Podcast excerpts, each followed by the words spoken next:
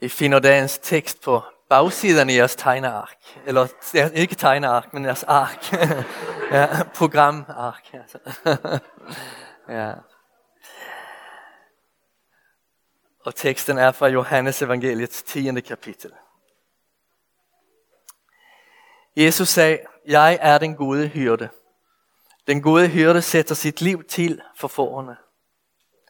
Den, der er daglejer og ikke er hyrde, og ikke selv ejer forerne, ser ulven komme og lader forerne i stikken og flygter. Og ulven går på rov iblandt dem og jager dem fra hinanden. For han er daglejer og er ligeglad med forerne. Jeg er den gode hyrde. Jeg kender mine får, og mine får kender mig. Lige som faderen kender mig, og jeg kender faderen.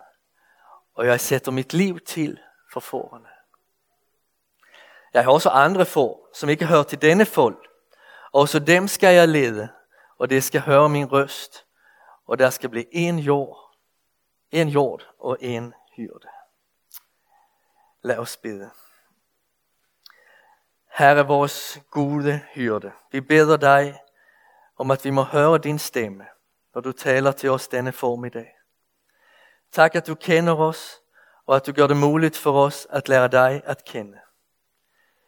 Hjælp os at tage imod det, du siger til os i dag. Sådan så, at vi kan byde dig velkommen som hyrde i vores liv. Amen.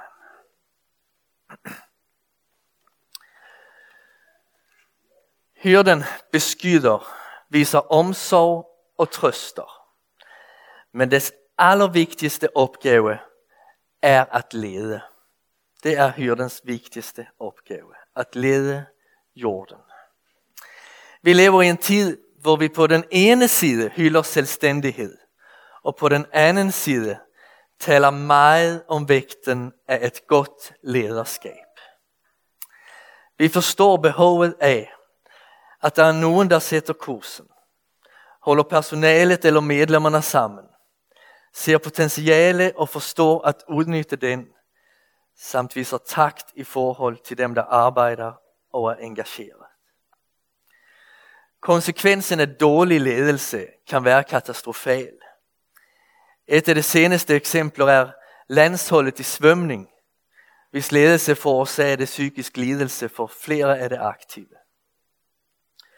Konsekvensen af god ledelse er også let at få øje på.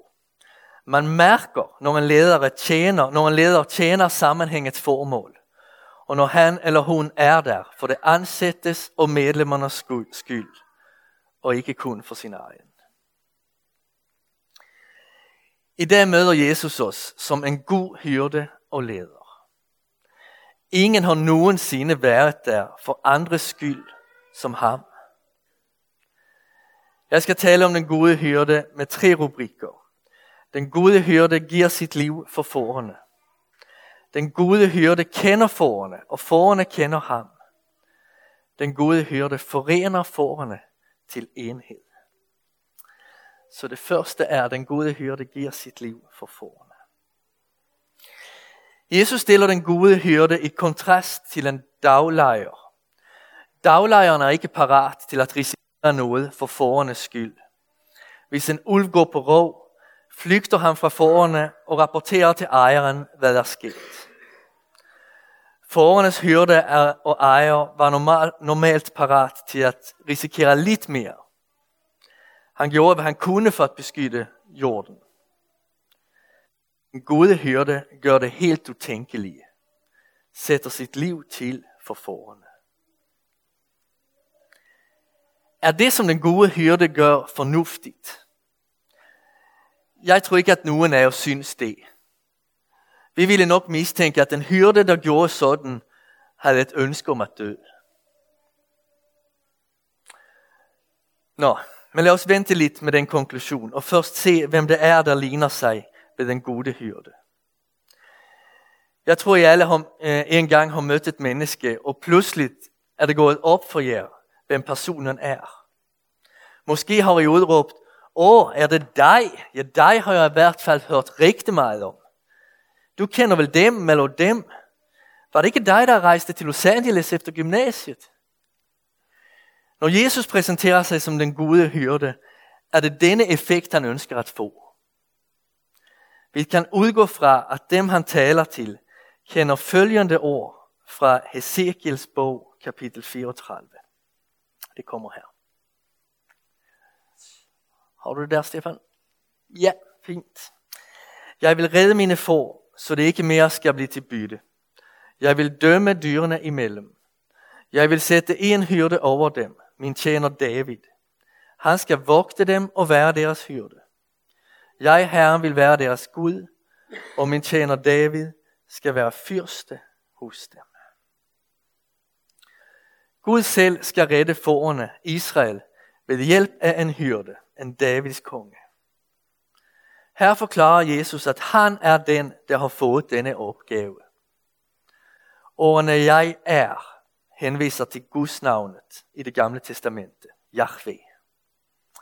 Jesus er Gud, kommet til jorden med opgaven at sætte sit liv til for både Israel og for den nye Israel, kirken. Så vender vi tilbage til spørgsmålet. Var det fornuftigt af hyrden at give sit liv til for forerne? At give sit liv for forerne? Var det et godt valg af Jesus at dø for din og min skyld? Ja, når vi spørger på den måde, opdager vi, at spørgsmålet er arrogant. Vi står ved siden af og spørger, fornuftigt eller ikke fornuftigt. Det spørgsmål, vi burde stille os, er i stedet for, er det virkelig så galt med mig, med os mennesker, at Kristus måtte dø for os? Og vi burde spørge os, spørge os selv, elsker Gud mig virkelig så meget, at han gik i døden for min skyld? Altså, hvis det ikke var for opstandelsen, ville vi ikke kunne tåle langfredag og påskens budskab. Så ville påskens budskab være, at I har bragt Jesus til døde. I er mordere alle sammen. Det ville være utroligt deprimerende. Jeres synd har gjort, at han måtte dø. Men så kommer påskens budskab, som er helt anderledes, og opstandelsens budskab. Hyrden valgte magtesløsheden og gav sit liv for forerne. Det var ikke idioti. Det var nødvendig omsorg.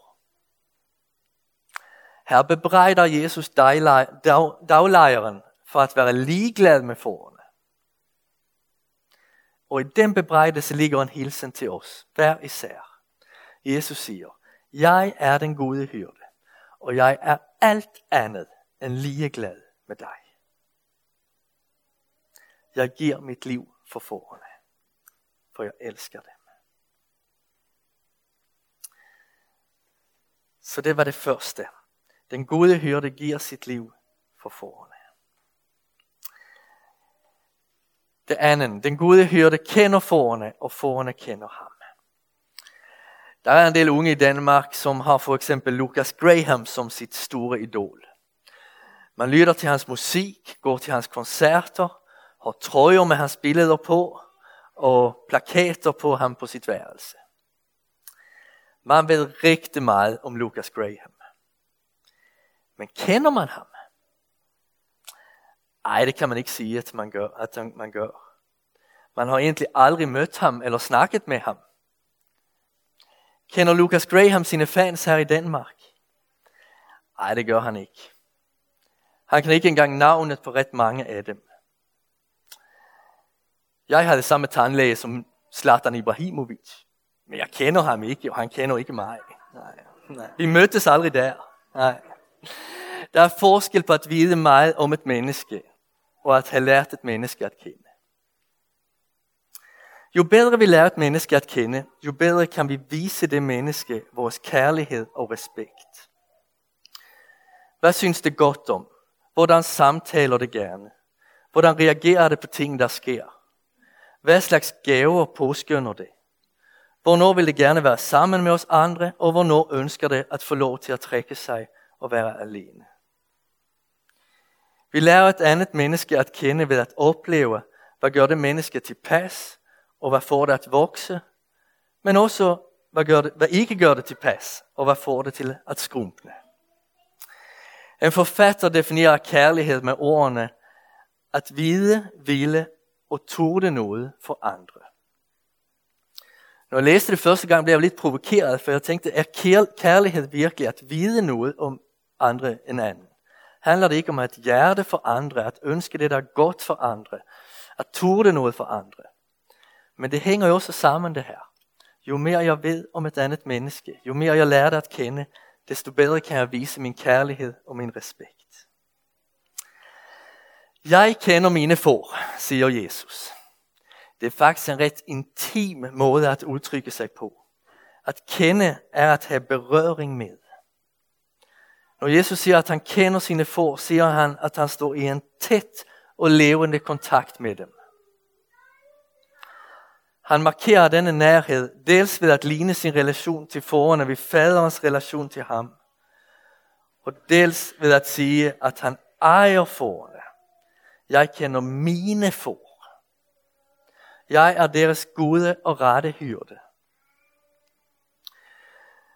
Måske behøver vi at minde os om dette indimellem.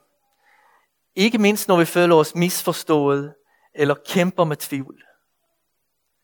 Jesus kender os. Han kender vores tanker, og han søger berøring, kontakt med os. Han er der altid for at lytte til os. Jeg kender mine får. Mine får kender mig, fortsætter Jesus. Det er, hvad kendetegner forerne. Efterhånden lærer det hyrden at kende. Det lytter til hans stemme. Når det hører hans stemme, ved det, at hyrden stadigvæk arbejder på verdens frelse. Når det hører hans stemme, ved det, at det ikke er glemt i mængden af mennesker, men at hyrden kalder dem ved navn, og at det har betydning for ham. Når det hører hyrdens stemme, åbner det sig for hans formål med deres liv, hans irettelsættelse og hans åbnede veje for dem. Guds folk er dem, der kender hyrden, har fået ham som sin ven. Johannes evangeliet 17, vers 3, forklarer Jesus, hvor helt afgørende det er at kende den treenige Gud. Se om vi har det der. Og dette er det evige liv. At det kender dig, den eneste sande Gud, og ham du har udsendt, Jesus Kristus. Der er både noget opfordrende og noget beroligende i dette. Det opfordrende er invitationen til at lære Herren at kende. Når vi gør det, spørger vi efter, hvad glæder ham. Vores liv får en himmelsk retning. Vi ønsker at glæde Herren med vores liv. Det beroligende er, at vi ejer evigt liv. En tænker har beskrevet vores tid med årene. Jeg ved ikke, hvor jeg er på vej hen. Derfor skynder jeg mig.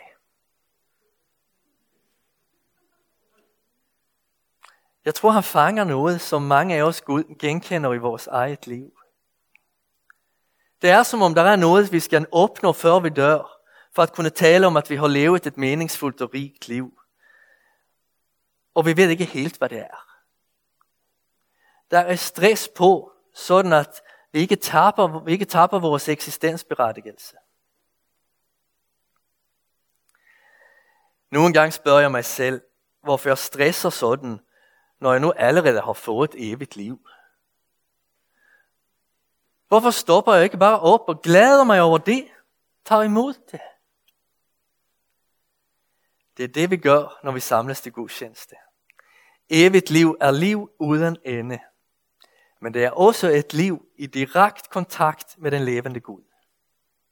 Og dette er evigt liv, at det kender dig. Det er evigt liv.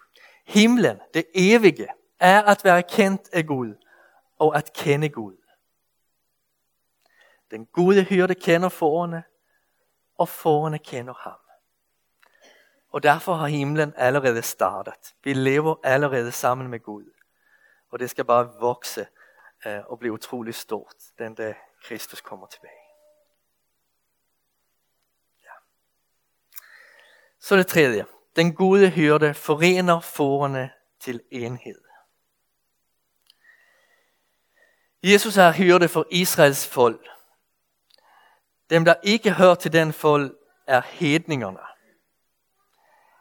Et får er lidt af Kristus, det er det afgørende.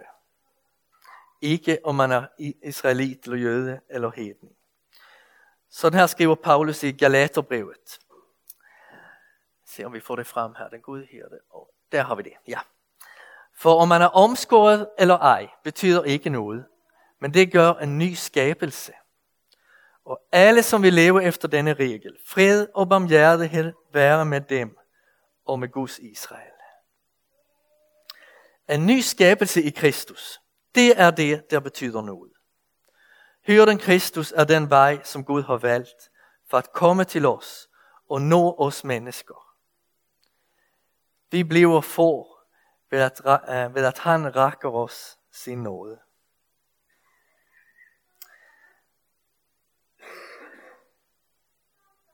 Så vi er forenet til enhed i Kristus. Over hele jorden genkender kristne hinanden. Det mærker for det første, at her er et andet menneske, der også erkender, at han eller hun behøver Kristus som hyrde i sit liv. Jesus insisterer her i Johannes evangeliet 10 på at få os til at forstå, at vi farer vildt på egen hånd. Vi behøver blive let af ham, forenes i bøn, i bøn til ham. Vi behøver en hyrde i vores liv. En hyrde, der giver os åndeligt liv. Når vi ser nogle velstående får, tænker vi ikke, sikke nogle dygtige får. Nej, vi tænker, sikke en dygtig landmand.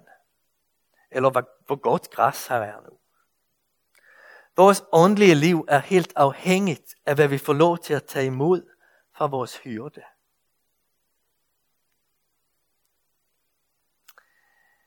Og det genkender vi, når vi møder andre kristne. At her har vi en, der også erkender sit behov af en hyrde. Der også har forstået, jeg kan ikke lede mig selv. For det andet mærker to kristne, der mødes, at her er et andet menneske, der hører hyrdens stemme. I det lydende sind finder det enheden i Kristus. Det skal høre min røst, og der skal blive en jord jord en hyrde.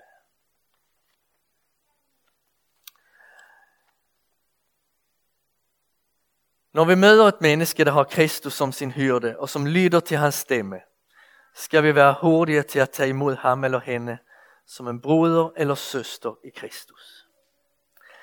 Derfra handler økonomik i høj grad om fordybelse. Når vi praktiserer kirkens enhed, lyder vi sammen til hyrdens stemme, fordyper os i den guddommelige åbenbaring. Vi lyder til ordene, og vi lyder til stemmen. Det hjerte, der inviterer os til sig. Sammen med kirkens lærere, tradition og fællesskab prøver vi at forstå, hvad Gud vil sige os.